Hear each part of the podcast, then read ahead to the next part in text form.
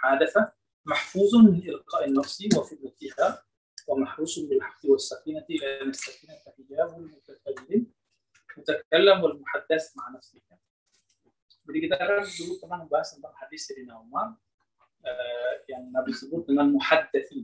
Ingat? Muhaddatsin. Orang yang diajak bicara sama Allah. Jadi bukan Nabi. Muhaddatsin. Dia bukan Nabi, tapi diajak bicara sama Allah. Kalau Maka Sayyidina Umar, nah itu hadis Sahih Bukhari Muslim. Sahih Bukhari dan Muslim. Seandainya di umatku ada yang muhaddas, lakana Umar. Nabi begitu. Tentu Umar. Ini menunjukkan bahwa ilmu kerohanian, ilmu tasawuf yang yang mengambil keilmuan mendownloadnya dari kolbu kolbu dari Allah itu memang ada di zaman sahabat Nabi jadi nggak mesti Nabi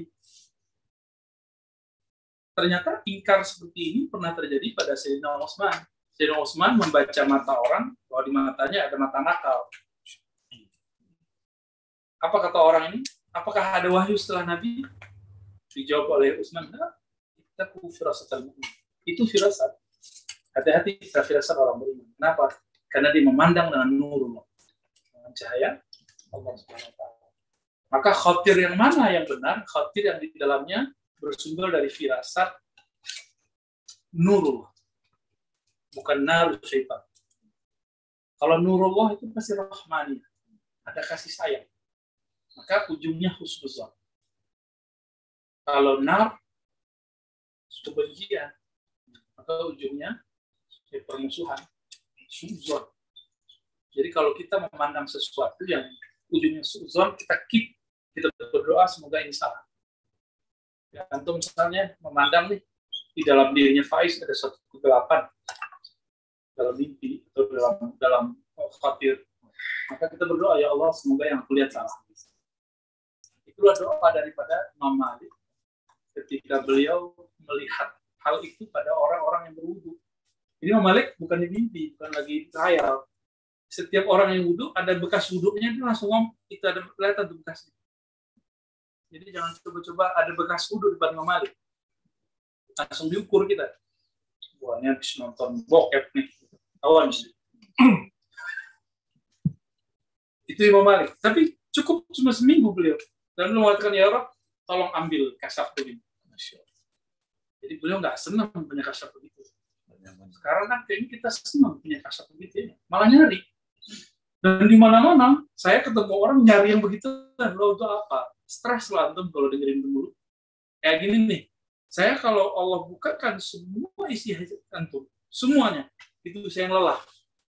Capek sendiri. Jadi mending kita nggak tahu siapa orang.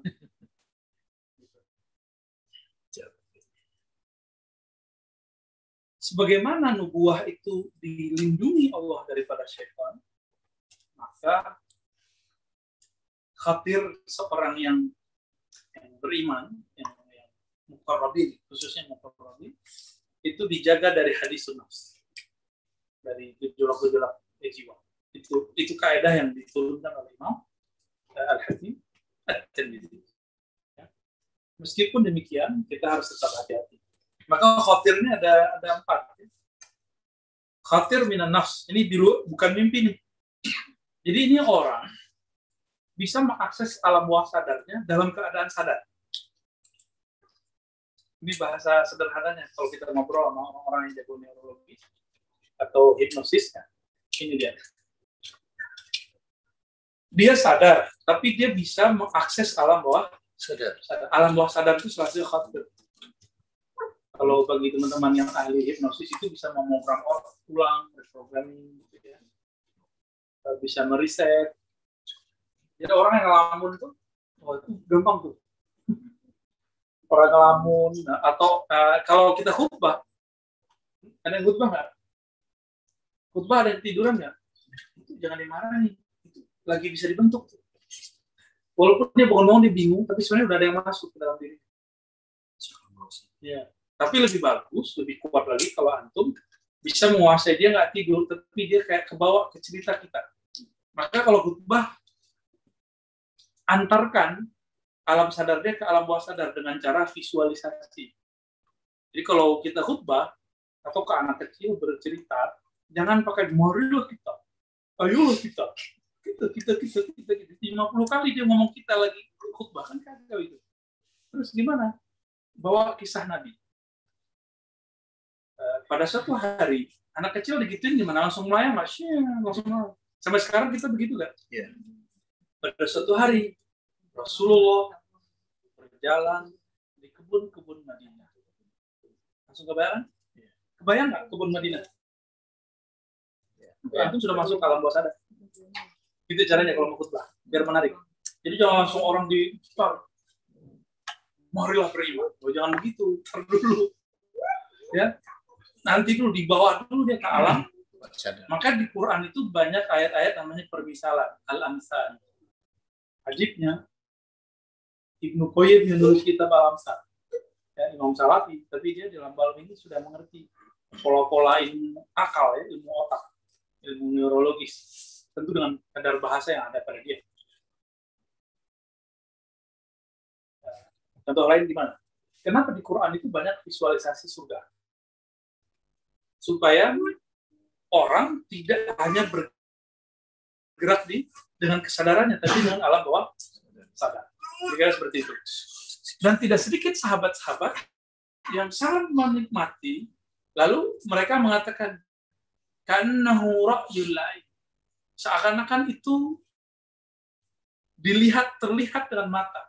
Itulah perkataan Hanzalah Hanzalah mengatakan "Bet- betapa munafiknya Hanzalah ketika bersama Nabi seakan surga terlihat di depan mata ra'yul tapi ketika pulang semuanya lupa. Kan ada kan di situ? Abu Bakar. ya. Abu Bakar juga ngomong tuh selevel Abu Bakar masih bisa begitu. Masih memandang dirinya tidak suci. Padahal mereka dijamin masuk surga nggak? Antum dijamin masuk surga nggak? kelompok seberang dijamin masuk surga nggak? terus jadi panitia surga? Jangan sok-sokan ya. jangan sok-sokan sama sekali menerangkan orang. Seakan bersaksi bahwa nanti di kiamat di antum. Ya sok-sokan itu namanya kemudian teman-teman beliau mengatakan ada empat yang terjadi di alam bawah sadar seseorang. Pertama khatirun minan nafs. Lintasan yang berasal dari nafs. Nafs seperti nafs jiwa. Jiwa. khatirun minal haq dari Allah. Khatirun minal syaitan dari syaitan. Khatirun minal malak dari malaikat. Malaikat. Adakah Nabi memberikan semacam visualisasi kalau dari arah ini setan dari arah ini malaikat ada nggak yang pernah baca hadisnya Belum. ada nggak ada pada hadisnya Aneh belum. ada loh di Sahih Bukhari. Jadi sahabat Nabi itu kan mereka belum educate ya sebagian. Ada yang sudah educate kayak Abu Bakar yang Umar, Utsman, Ali. Sebagian besar mereka belum teredukasi dengan baik.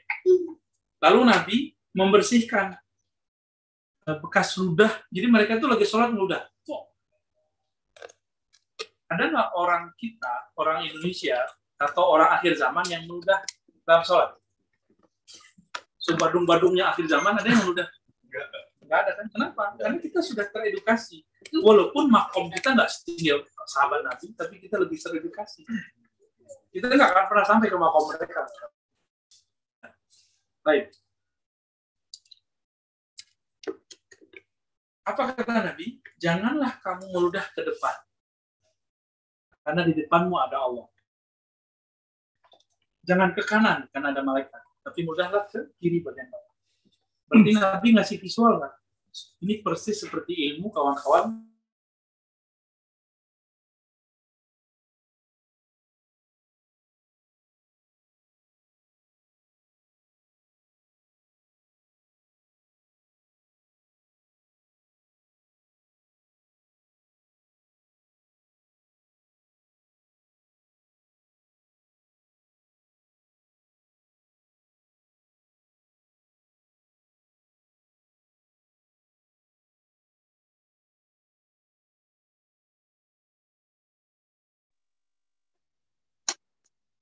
Ya, jadi teman-teman, khatir itu ada empat. Ada khatir minan nas, dari jiwa. Khatirun minal haq, dari Allah. Khatirun min Malaikat. hmm? min syaitan. Terus lawannya setan Syait. Malaikat. malaikat. Kalau nabi itu khatirnya dari mana? No.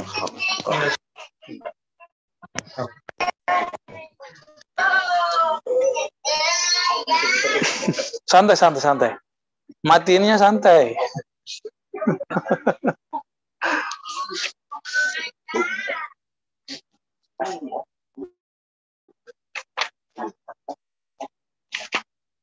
Saya ingat dulu Pak Kiai Mustafa tuh, kalau ada teman-teman bawa handphone tuh, bunyi, Tulhu. Itu pakai bahasa Arab tapi ala Indonesia. Matikan. Uktulhu. Itu untuk cari candaan. Kita udah kaget, ah, pakai bilang bunuh. Ternyata matiin.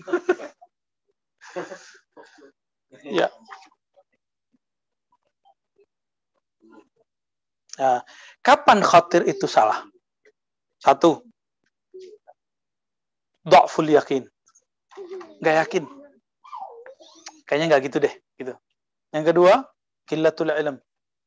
Kurang wawasan, kurang ilmu. Kita nggak ngerti apa-apa tentang sana, lalu kita kemudian berkhatir, menerima lintasan. Ya, terutama tentang sifat jiwa kita dan akhlaknya. Tidak mengerti tentang jiwa kita, akhlak kita, dan juga orang lainnya. Yang ke yang ke berapa? Ketiga, keempat. Ketiga, mutaba'atul hawa bi kharmi qawaid taqwa. Mengikuti hawa nafsu dengan menghancurkan eh, rukun-rukun takwa, kaidah-kaidah ketakwaan. Yang keempat, mahabbatud dunya. Mencintai dunia, jahuha wa maluha wa talabur rif'a wal manzila nas. Ya, dan mencari posisi popularitas di kalangan manusia. Ya. Faman ausima min hadhihi al-arba'ah yufarriq baina lammatil malak wal lammatil syaitan. Siapa yang sanggup melepaskan diri dari empat, berapa tadi? Empat atau lima? Empat ya. Maka dia akan mampu membedakan ini bisikan setan atau bisikan malaikat. ومن ابتلي بها لا يعلمها ولتلوى وانكشاف بعض الخواطر من البعض لوجود بعض هذا البعض من البعض ya sama sih ke belakangnya. Terus ada sisi lain, faktor X. Wattafaqal masyaikh ala anna man kana akluhu minal haram la yufarrik minal ilham wal. Para masyaikh sepakat, siapa yang makannya haram, maka tidak sanggup membedakan ini firasat baik atau buruk. Ini ilham dari Allah, malaikat. Ilham itu sebenarnya kalau di kitab khas minal malaikat. Kalau mustalah kitab ya, tapi kalau di Quran kan kitab tasawuf punya fan. Nah, kalau di Quran umum fa'alhamaha fujuraha wa taqwaha itu bisa dari Allah, bisa dari mana-mana ya. Wal waswasah, dia bisa bedain ilham dan waswas. Jadi orang-orang yang nggak jelas makannya. Ah, saya pertajam lagi. Orang yang makannya lupa kepada Allah, makannya nggak basmalah, itu nggak akan tajam membedakan itu. Antum udah halal nih, tapi bacanya nggak basmalah. Tadi baca bismillah nggak antum? Oke, Cak. Baca nggak bismillah waktu makan? lupa kan? Jadi kalau baca ada yang datang tuh, itu nggak bisa bedain. Kayaknya sih itu. Nah, tapi kalau antum makan pakai basmalah, tidak halal. Halal secara syariat, dan belum hakikat. Secara hakikat harus pakai bismillah. Wajib hukumnya. Kalau ketinggalan kan kita baca bismillah fi awali wa akhiri. Coba baca sekarang. ya.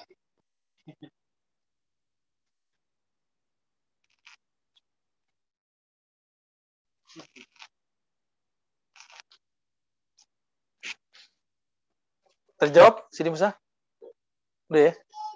Apalagi? Dari uh, kita jadi tentang orang menghindari suzon kepada orang sederhana aja al, al mukmin miratul akhi seseorang itu cerminan saudaranya maka kalau saya suzon sama orang sebenarnya itu diri saya sendiri ini antum nih masuk ke rumah orang terus ada foto Terus kita mulai menerjemahkan, oh kayaknya di sini banyak jin deh.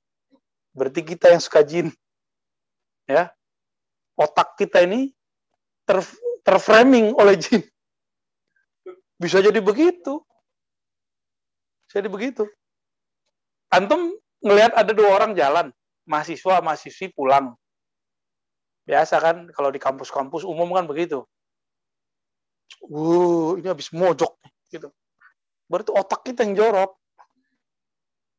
ya jorok-jorok aja sih obat aja apalagi orang begini nggak bisa bedain antara orang soleh yang munafik dengan pendosa yang berhati lembut kan orang soleh yang munafik itu dia berlindung dengan kesolehannya. Jadi kesolehannya itu untuk mendapatkan sesuatu. Trust lah percayaan. Jadi belum lama ini saya ketemu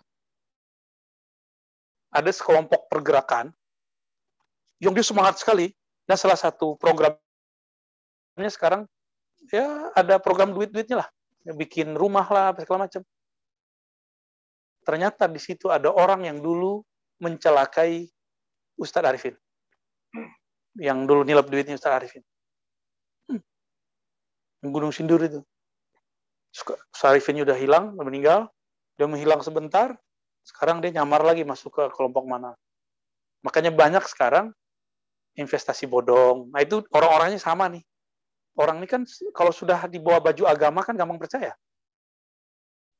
Benar nggak? Mau politik, mau duit, mau bisnis, mau pengobatan sama. Apalagi bab-bab kewalian, lu ribet ya. ya.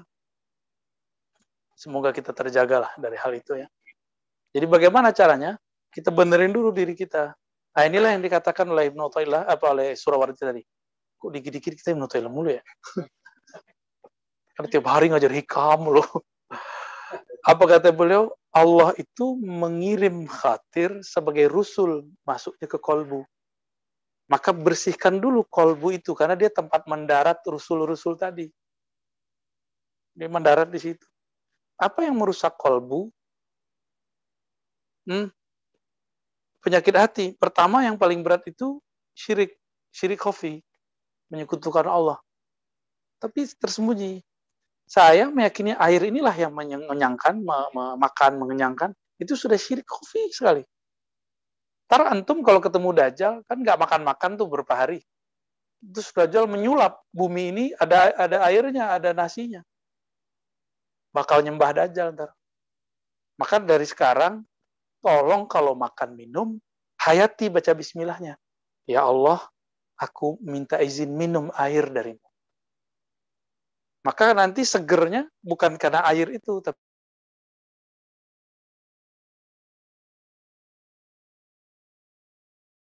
Allah jadi yang dipisahin air sama perbuatan Allah. Karena perbuatan Allah pada air inilah saya menjadi seger.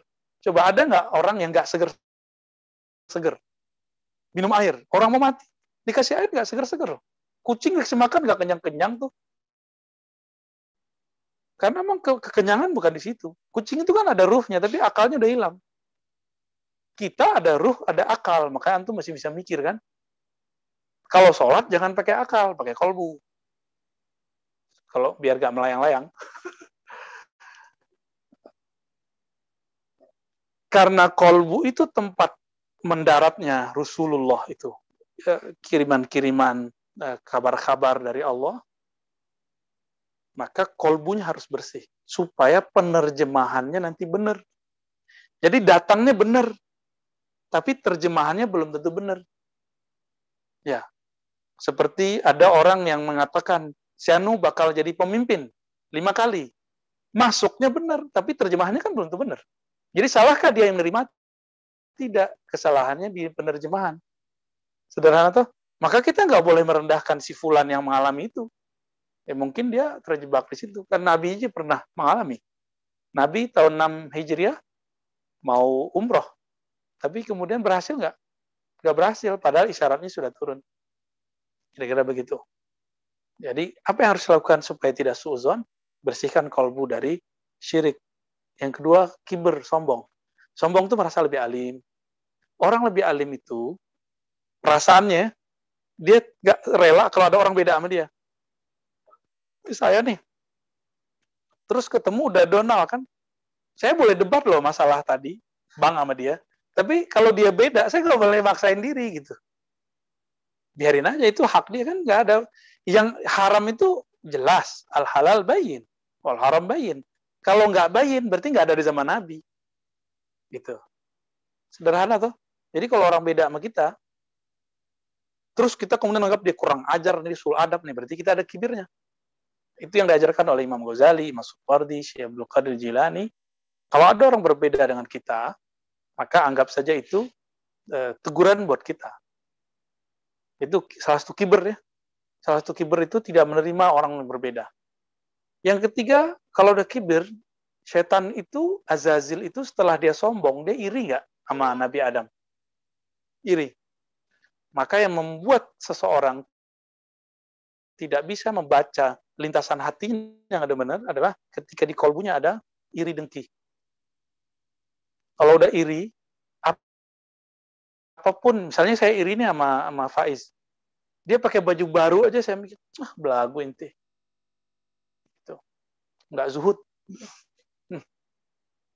Dia senyum, saya anggap nyengir eh kamu oh, candain saya, kamu ngajakin saya gitu. Kalau jadi kalau udah gak seneng, dia senyum sedekah bagi kita bukan sedekah, bala. ya.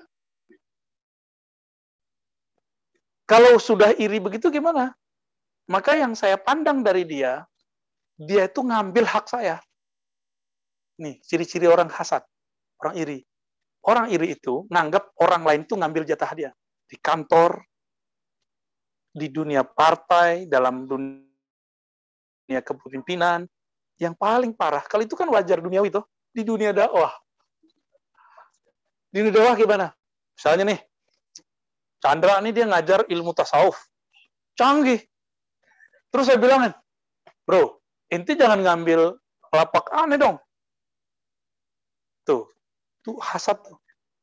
Tapi kalau saya mengenal bagaimana cara apa, membersihkan kolbu, saya katakan, Alhamdulillah ya Allah, saya punya sahabat. Buya apa? Buya Chandra. Buya Chandra yang jidratnya seperti Imam Al-Mahdi. ya, Zam-Zam. Dia telah meringankan beban saya. Gitu. Itu yang saya terapkan setiap saat. Contohnya nih, saya kan nggak bisa, nggak uh, uh, punya semacam waktu banyak untuk merukyah orang. Tahu-tahu Allah Allah kemudian kirim salah seorang sahabat kita, dia tadi coba zikir-zikir ngajar kita, nggak pernah ngerukyah. Allah kasih dia laduni bisa ngerukyah. Tiap kali antum bermasalah, tinggal kirim ke dia kan. Begitu tugas kita. Jadi nggak ada masalah hidup kita. Alhamdulillah, saya punya sahabat bisa nyelesain separuh masalah jamaah. Kan separuh masalahnya di jin kan. Om harimau. Oh iya. Itu contohnya. Atau misalnya nih, saya walaupun baca kitab fikih, tapi kan cara baca saya beda dengan Bu Yazul Asfi. Yang setia sama mazhab syafi'i, itu cuma dia, bukan saya. Jadi kalau ada pertanyaan-pertanyaan fikih, sebaiknya saya nggak jawab. Tapi saya mengatakan ke Buya Asfi. Terus antum tiba-tiba rame ngaji ke dia, nggak rame ngaji ke saya. Gimana? Saya baper nggak? Enggak. Saya ngomong, Alhamdulillah bebanku berkurang. Gitu seharusnya. Itu berarti hasadnya udah berkurang. Bahkan hilang. Yang ada cuma riptoh. Kalau riptoh gimana? Kayaknya saya juga harus belajar fikih deh. Ah, gitu. Gitu. Ya. Cuma jangan gitu-gitu amat lah. Terus hasad. Ada berapa penyakit? Syirik, kopi, kiber, hasad. Tiga. Yang paling parah itu adalah ghaflah. Lalai kepada Allah. Jadi lalai kepada Allah itulah manbaul maksiyah. Itulah sumber dari semua kedurhakaan kepada Allah. Lupa. Tapi kita bisa nggak selalu ingat Allah? Kan nggak bisa. Ah, di sini rahasianya. Ayatnya nyuruh kita zikir, tapi Nabi mengajarkan, ini ala zikrik. Ya Allah, bantu aku mengingatmu. Ini yang saya ulang-ulang udah sampai tiga kali lebih kali. Lalu kita bisa berzikir. Kalau kita bisa berzikir, berarti dapat bantuan Allah nggak? Jadi kalau ada ayat, Fazkuruni azkurkum, ingat aku, aku ingat kamu. Kapan kamu sanggup mengingatku? Jika aku membantumu mengingatku. Walaupun zohir, jadi Allah ini kan suka Allah itu akrab sama kita. Itu kan bahasa ayat yang ayat yang akrab sekali. Fazkuruni askurkum. Ingatlah aku. Aku ingat engkau. Duluan siapa yang ingat? Ya Allah dulu. Kan Allah yang bantu kita ingat. Kalimah Allah itu dihantam ke bukit, bukit hancur. Sekarang masuk ke lidah antum, hancur nggak? masuk ke kolbu, baru dia bergetar. Begitu. Orang kalau zikir kalau yang udah talkin zikir, hantem, buh, rasanya itu kayak meledak-meledak. Ada yang merinding. Ya. Ada yang ada yang pecahnya nggak di kolbu, pecahnya air mata. Ada yang nggak pecah, hilang. melayang dia. Kita ajak zikir, dia melayang. Sebenarnya itu sudah sukses juga. Sukses melayangkan orang. Lumayan. Ya. Jadi ketika kita bisa zikrullah, zikir itu dibantu Allah. Maka jangan GR dulu kalau sudah baca mak surat pagi sore. Merasa soleh aja. Sholat itu zikir bukan? Akim sholat zikri. Berarti seseorang bisa sholat karena dibantu Allah itu bukan? Dibantu Allah. Pantas nggak saya atas bantuannya saya minta pahala? ya Rob, aku udah sholat nih. Katanya kalau 12 rakaat dapat bangunan di surga. Kasih dong. Gitu. Itu orang awam. Nggak punya adab badui. Jadi ikhlasnya ikhlas badui. Dia nggak sadar bahwa dia itu dibantu Allah. Udah dibantu, minta lagi. Udah bantu, ditarif lagi. Ya. Ayuhal badawi. Betapa baduinya kita. Ya. Maka teman-teman, sahabat-sahabat bukan Allah. Yang terakhir ini, maka mintalah kepada Allah. Allahumma inni ala dzikrika wa syukrika wa sunnatik. Allahumma ya muqallibal qulub, sabit qalbi ala dinika. Nah, dua, dua itu ini wirid harian saya. Ya. Semoga dengan wirid ini kekosongan zikrullah kita dianggap zikir oleh Allah. Gitu. Jadi dengan doa tadi, antum doa pagi, doa sore, ya Allah bantu aku mengingat engkau. Gitu kan? Itu udah sama kayak antum zikir sehari penuh. Kira-kira begitu. Kan kita udah minta. Kalau kita udah buat lupa, ya sudah kita manja-manja lagi. Jadi doa tuh manja-manja sebenarnya. Pagi, sore, pagi. Kalau bisa setiap ada sholat. Makanya Nabi mengatakan hal tersebut diajarkan ke Budarda ya Hai Abu Darda, ini uhibuk. Ya, wahai Abu Darda, aku mencintaimu. Jadi Nabi kalau cinta seseorang, Nabi nggak bisa ngasih duit. Yang dikasih apa? Doa. Doa itu bisa meruntuhkan musuh, meruntuhkan benteng. Musuh yang paling berat apa? Diri, bukan setan, diri kita. Diri kita yang malas zikir, itu dia. Berat itu berat sekali. Makanya karena diri kita udah berapa bulan kita nggak talim? Tiga bulan setengah. Ini Pak Tentara betul-betul ngapalnya sohih ini. Hah? itu kan ama aneh doang. Yang lain nggak. Itu kan cuma kita podcast-podcast aja. Apa rekam-rekam sendiri. Emang umum. Baru. Tapi ini pun kita batasi. Jadi nggak boleh segini aja boleh yang datang. Ya. Iya berarti sudah udah satu catur bulan ya. ya. Jadi setelah ini tolong diamalkan itu ya, pada sholat atau pagi sore. Jadi eh, isyarat yang sampai kepada kita orang yang membaca ini, Allah ini ala dzikrika seperti yang Nabi katakan kepada Abu Darda, baca setelah setiap selesai sholat. Itu udah walaupun dia lalai antara sholat dengan sholat, Allah akan menutupi kelalaiannya Insya Allah. Hah? Hazil am. Ajastukum. Hmm. Al Alhamdulillah. Al-Fatihah. Bismillahirrahmanirrahim. Ya. والمرجان ولا الضوء في استمرار ولا نكتفي ada pertanyaan nggak dari antum yang hadir Kalau ini ada bro. sedikit dulu yang hadir dulu nih Donald Trump dulu yang nanya. Nih. yang tadi Bu, ya yang bunga yang pesan dia ceritakan kepada kami. Kalau kita jadi imam boleh kita rubah dan kita oh, harus dirubah. Harus dirubah. Harus rubah kalau jadi imam dirubah jadi nahnu. A'inna ala zikrika ya. yang tadi Bu ya? Oh yang kedua Allahumma ya muqallibal qulub tapi qulubana. Ya. kalau kalau kita jadi imam artinya memimpin doa. Hmm, betul. ya. Imam Imam Ghazali dalam Al-Wajiz mengatakan kalau kita doa eh, jadi imam mau sendiri ataupun jamaatan, kita doa nih tapi jadi imam. Maka bacalah dengan sifat jamaah. Bahkan Imam Ghazali itu ketat. Kalau kalau selain Imam Ghazali kan imam nih duduk antara dua sujud baca Robi Firli. Robi Firli aja kan? Tapi kalau versi Ghazali wajibnya Robi Firlana. Kalau enggak khoin berdasarkan istinbat beliau jadi Imam Ghazali itu ternyata hafal Sunan Abu Daud. Imam Ghazali itu hafal kitab Sunan Abu Daud. Gimana kira-kira Kohar?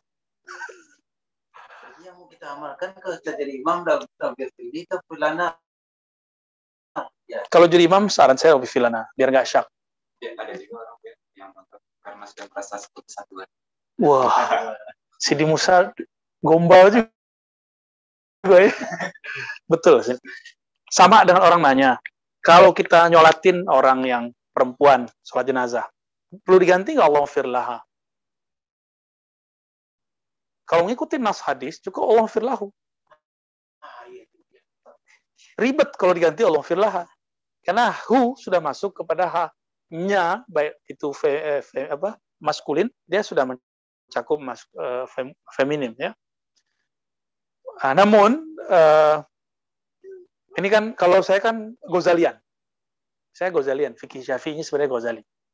Jadi banyak yang unik-unik, karena bacaan harian saya dulu itu waktu masih mahasiswa, Al-Wajiz Imam Ghazali yang merupakan induk dari kitab eh, yang ditulis oleh apa Minhajul Talibinnya Imam Nawawi bahkan Ibnu Salah Nawawi kemudian sampai ke belakangan eh, Al Imam eh, Syekhul Islam Zakaria Al Ansari ya Ibnu Hajar Al Haytami sampai kepada Syarqawi Bajuri itu kan mereka nginduknya hasilnya ke Al Wajiz cuma mereka ada yang sepakat kayak Imam Subuki kan ada yang nggak sepakat dengan eh, Imam, Imam Ghazali kalau antum tahu tekno- eh, tekniknya, teknik berbeda, kita itu bisa ngambil yang ma- mana yang cocok loh.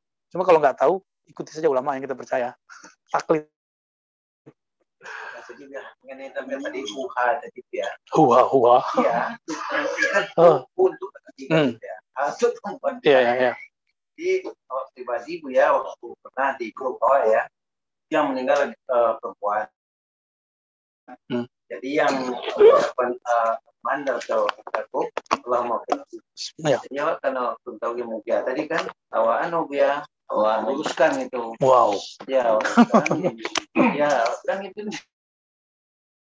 Yang benar, ini yang, adalah yang meninggal perempuan. Hmm. Jadi antum tadi pakai daminnya lama kurang kurangnya itu laki-laki mutakar Hmm. kan itu ahli fikih. ya ya Jadi kalau ha ahli fikih, kalau hu ahli Benar, ya. Dah. Jadi teruskan gitu. boleh. Jadi yang benar ini kita bilang itu alamat gitu. Kurang empat. ternyata- Jawabannya gitu, secara fikih Allah mafir laha, tapi secara hadis boleh Allah mafir lahu. Ahli fikih itu dia fahman, fahmun nusus, pemahaman terhadap teks. Kalau ahli riwayat itu ittibaan bil lafaz. Nah, itu ilmu yang saya ambil dulu dari eh, Sidi Syekh Taufik Al-Buti. Jadi beliau kalau ngasih jawaban tuh dikasih opsi-opsi. Nah ini yang membuat saya, kita beda dengan teman-teman syafi'iyah yang ada di dalam negeri. Kadang-kadang kita di, disindir juga ya. Gak tau Buya Zulafi nyindir aneh nggak? Ya. jadi waktu berdalil Dikencengin, dikencengin. Hmm, arahin ke atas. Gitu. Itu udah sahih. nah, Betul. Nggak masalah. Jadi the Donald Trump itu sudah benar, tapi secara fikih. Next nggak usah disalahin lagi karena mereka ngikutin versi ahli hadis. Dah, terjawab ya. ya anggap aja gitu ya. Sebenarnya orang itu sebenarnya orang awam, ya, anda tahu hadis. Iya, nggak apa-apa, nggak apa-apa. Dia stikernya itu, dia kan Sunnah. stiker, stikernya aja kan pencet alfilahu belaha gitu, eh, Hmm. doang. Oh iya iya iya. Kalau kita ngurusin kayak gitu kan capek. Ya biarin aja lah mereka. Jadi dia, biarin aja. berarti atau dalilnya ya, kalau perempuan meninggal kita ucapin Bukan dalil, istidlal. Pendalilan para ulama. Pemahaman dalil ulama ada yang memahami boleh. Iya. Gitu aja. Hmm. damirnya lama alfilahu boleh. Ya. Iya, Itu ahli hadis. ahli hadis mentarjih versi riwayat. Kan nggak ada di hadis Allah firlah ada nggak? Antum ketemu nggak? Ini- Ini empat tahun ngaji hadis nih. Antum ketemu nggak Allah firlah? Atau dulu tidur kali ngaji? Ada nggak Bu ya? Bu Yasfi? Ustadz Ali ada nggak? Allah firlah kalau ada koreksi aneh. Siapa tahu aneh salah. Tapi setahu aneh nggak ada. Kalau alfilahu ada di hadis ya. Allah firlahu ada. Allah firlaha yang nggak ada. Dah, cukup ya? Iya. Nanti beres masih di Musa. Sidi Musa lebih jago fikih daripada aneh. Ya. Siap ya. Ya. Jadi kalau sholat fikih itu mau orang berdua tuh. tuh. Karena cara pandang saya usuli. Kalau mereka eh, furu'i dan itu lebih detail. Namun, nih maaf ya, kalau ingin fikih kontemporer harus usuli. Karena akan ada perubahan. Kayak Buya Zul Asfi masuk ke dompet duafa. Itu banyak yang tidak ada di furu. Dia harus kemudian wah usuli lagi deh gitu. Di- zakat mau Baznas, ACT, dompet duafa, apa lagi? Eh, apa tuh yang dari partai itu apa? PKPU. Ya, ada namanya kan? Kalau versi Buya ini kan bayatnya dulu fikih Syafi'i. Tapi dia ngerti itu untuk komunitas Syafi'i. Kalau kita zakat, harus pakai zakat fitrah, harus pakai beras. Sekarang pencet-pencet dong. Ini, ini, ini, saya udah zakat loh Ustaz. Barakallahu fi, ah, kayak gitu-gitu kan. Sebenarnya kan itu media aja. Yang penting manfaatnya kan sampai. Kan as, eh, innama sadaqatu lil fuqara sedekah itu kalau diterjemahkan bebas untuk meringankan beban orang fakir. Kalau kita malah haruskan pakai beras lagi, kapan diringankan mereka? Gitu. Lama prosesnya. Sekarang orang antum nih dikasih duit mau beras, pilih mana? Duit. Beras dijual lagi. Tuh jujur kan antum? Jidatnya sih ya. Allahumma sholli ala. Saya usul fikih, alhamdulillah dulu ngambil ke Syekh Hasan Hitu ya. Fikihnya ngambil ke Syekh Taufik. Tapi juga usul fikih itu, jadi ada praktek dua kali. Tiga, tiga kali lah kita, tiga, tiga salah sama rot ya. Dan itu berefek sekali dalam dalam eh, konteks berpikir saya. Jadi, ana syafi'i usuli. Saya syafi'i, jadi saya usul. Di sisi lain, saya syafi'i versi ahlul riwayah riwayah. Nah, makanya paling banyak saya suka itu kalau usuli itu kan versi Imam Ghazali, kalau riwayah versi Al Baihaqi. Nah, namun kalau dalam fikih-fikih furu'i itu nggak populer. Yang populer itu ya Rafi'i, kan? Imam Rafi'i, Imam eh, Nawawi, Zakaria Al Ansari, kayak Subki kayak gitu. Dan itu nggak masalah. Ya, nggak masalah itu jangan kemudian antum suuzon sama aneh ya jadi teman kita cuma karena si ustadznya tawaruknya itu enggak tawaruk yang sempurna tawaruk jadi dia tasyahud akhir dengan iftiros oh kayaknya bukan syafi'i asli nih loh kok gitu emang syafi'i harus begitu dulu Syekh Badi Sayyid Al-Ham yang ngajarin saya syarah Hasyah Ibn Qasim matan takrib itu kan ada Fathul Qarib ya itu kalau boleh sholat nggak pernah tuh tawaruk begini, tawaruk seperti kita. Selalu iftiros. Ya kan, Yaman juga gitu kan. Itu syafi'i murni. Itu mata takrib di kepala beliau. Syekh Taufik sama, Syekh Taufik. Syekh Taufik saya lihat kadang sih berubah. Ah, dari talaki beliau lah dulu matan takrib itu di kepala dulu. Sekarang dari kepala lagi, di luarnya. ya, ya, basic lah itu ya, harus paham lah itu. Masa nggak paham. Kelas, Fiziada. Yang lain ada yang nanya nggak? Satu satu aja. Terakhir Bu ya. Oh jangan, udah jatahnya udah. Yang lain. Di luar, di luar, di luar uh, halaqah ntar. Ada.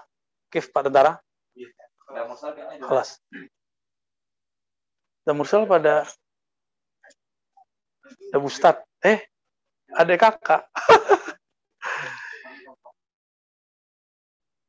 Baik, ya. Mungkin sesekali nanti kita buat kajian fikih. Ntar antum eh, lihat ada dua ustadz di depan, satu Buya Zulafi, satu aneh. Mensyarah satu matan. Nanti silakan nikmati perbedaannya. Itu asik tar. Satu hujan mana, satu hujan mana gitu. Nanti seru tuh. Nanti kita buat majelis. Eh, aneh kabarin ntar Buya Zulaffi. Ya. Ada satu teks atau satu persoalan, tapi dijawabnya dua. Ya Tematik nanti ada. Ya, berdua ntar. Jangan lewat. Mungkin pekan depan langsung. Insya Allah. Teringetin isi ilmu saya.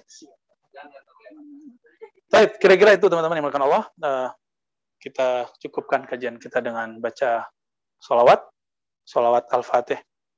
Ya, sama-sama. Bismillahirrahmanirrahim.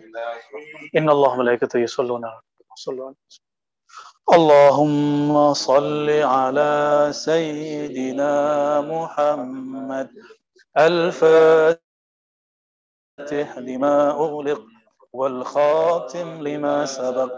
ناصر الحق بالحق والهادي إلى صراطك المستقيم. وعلى آله حق قدره ومقداره العظيم. أحدية اللهم يا أحد صل على أحمد. وعلى آل محمد والمهدي خليفة الله الأحد. والحمد لله رب العالمين. السلام عليكم ورحمة الله.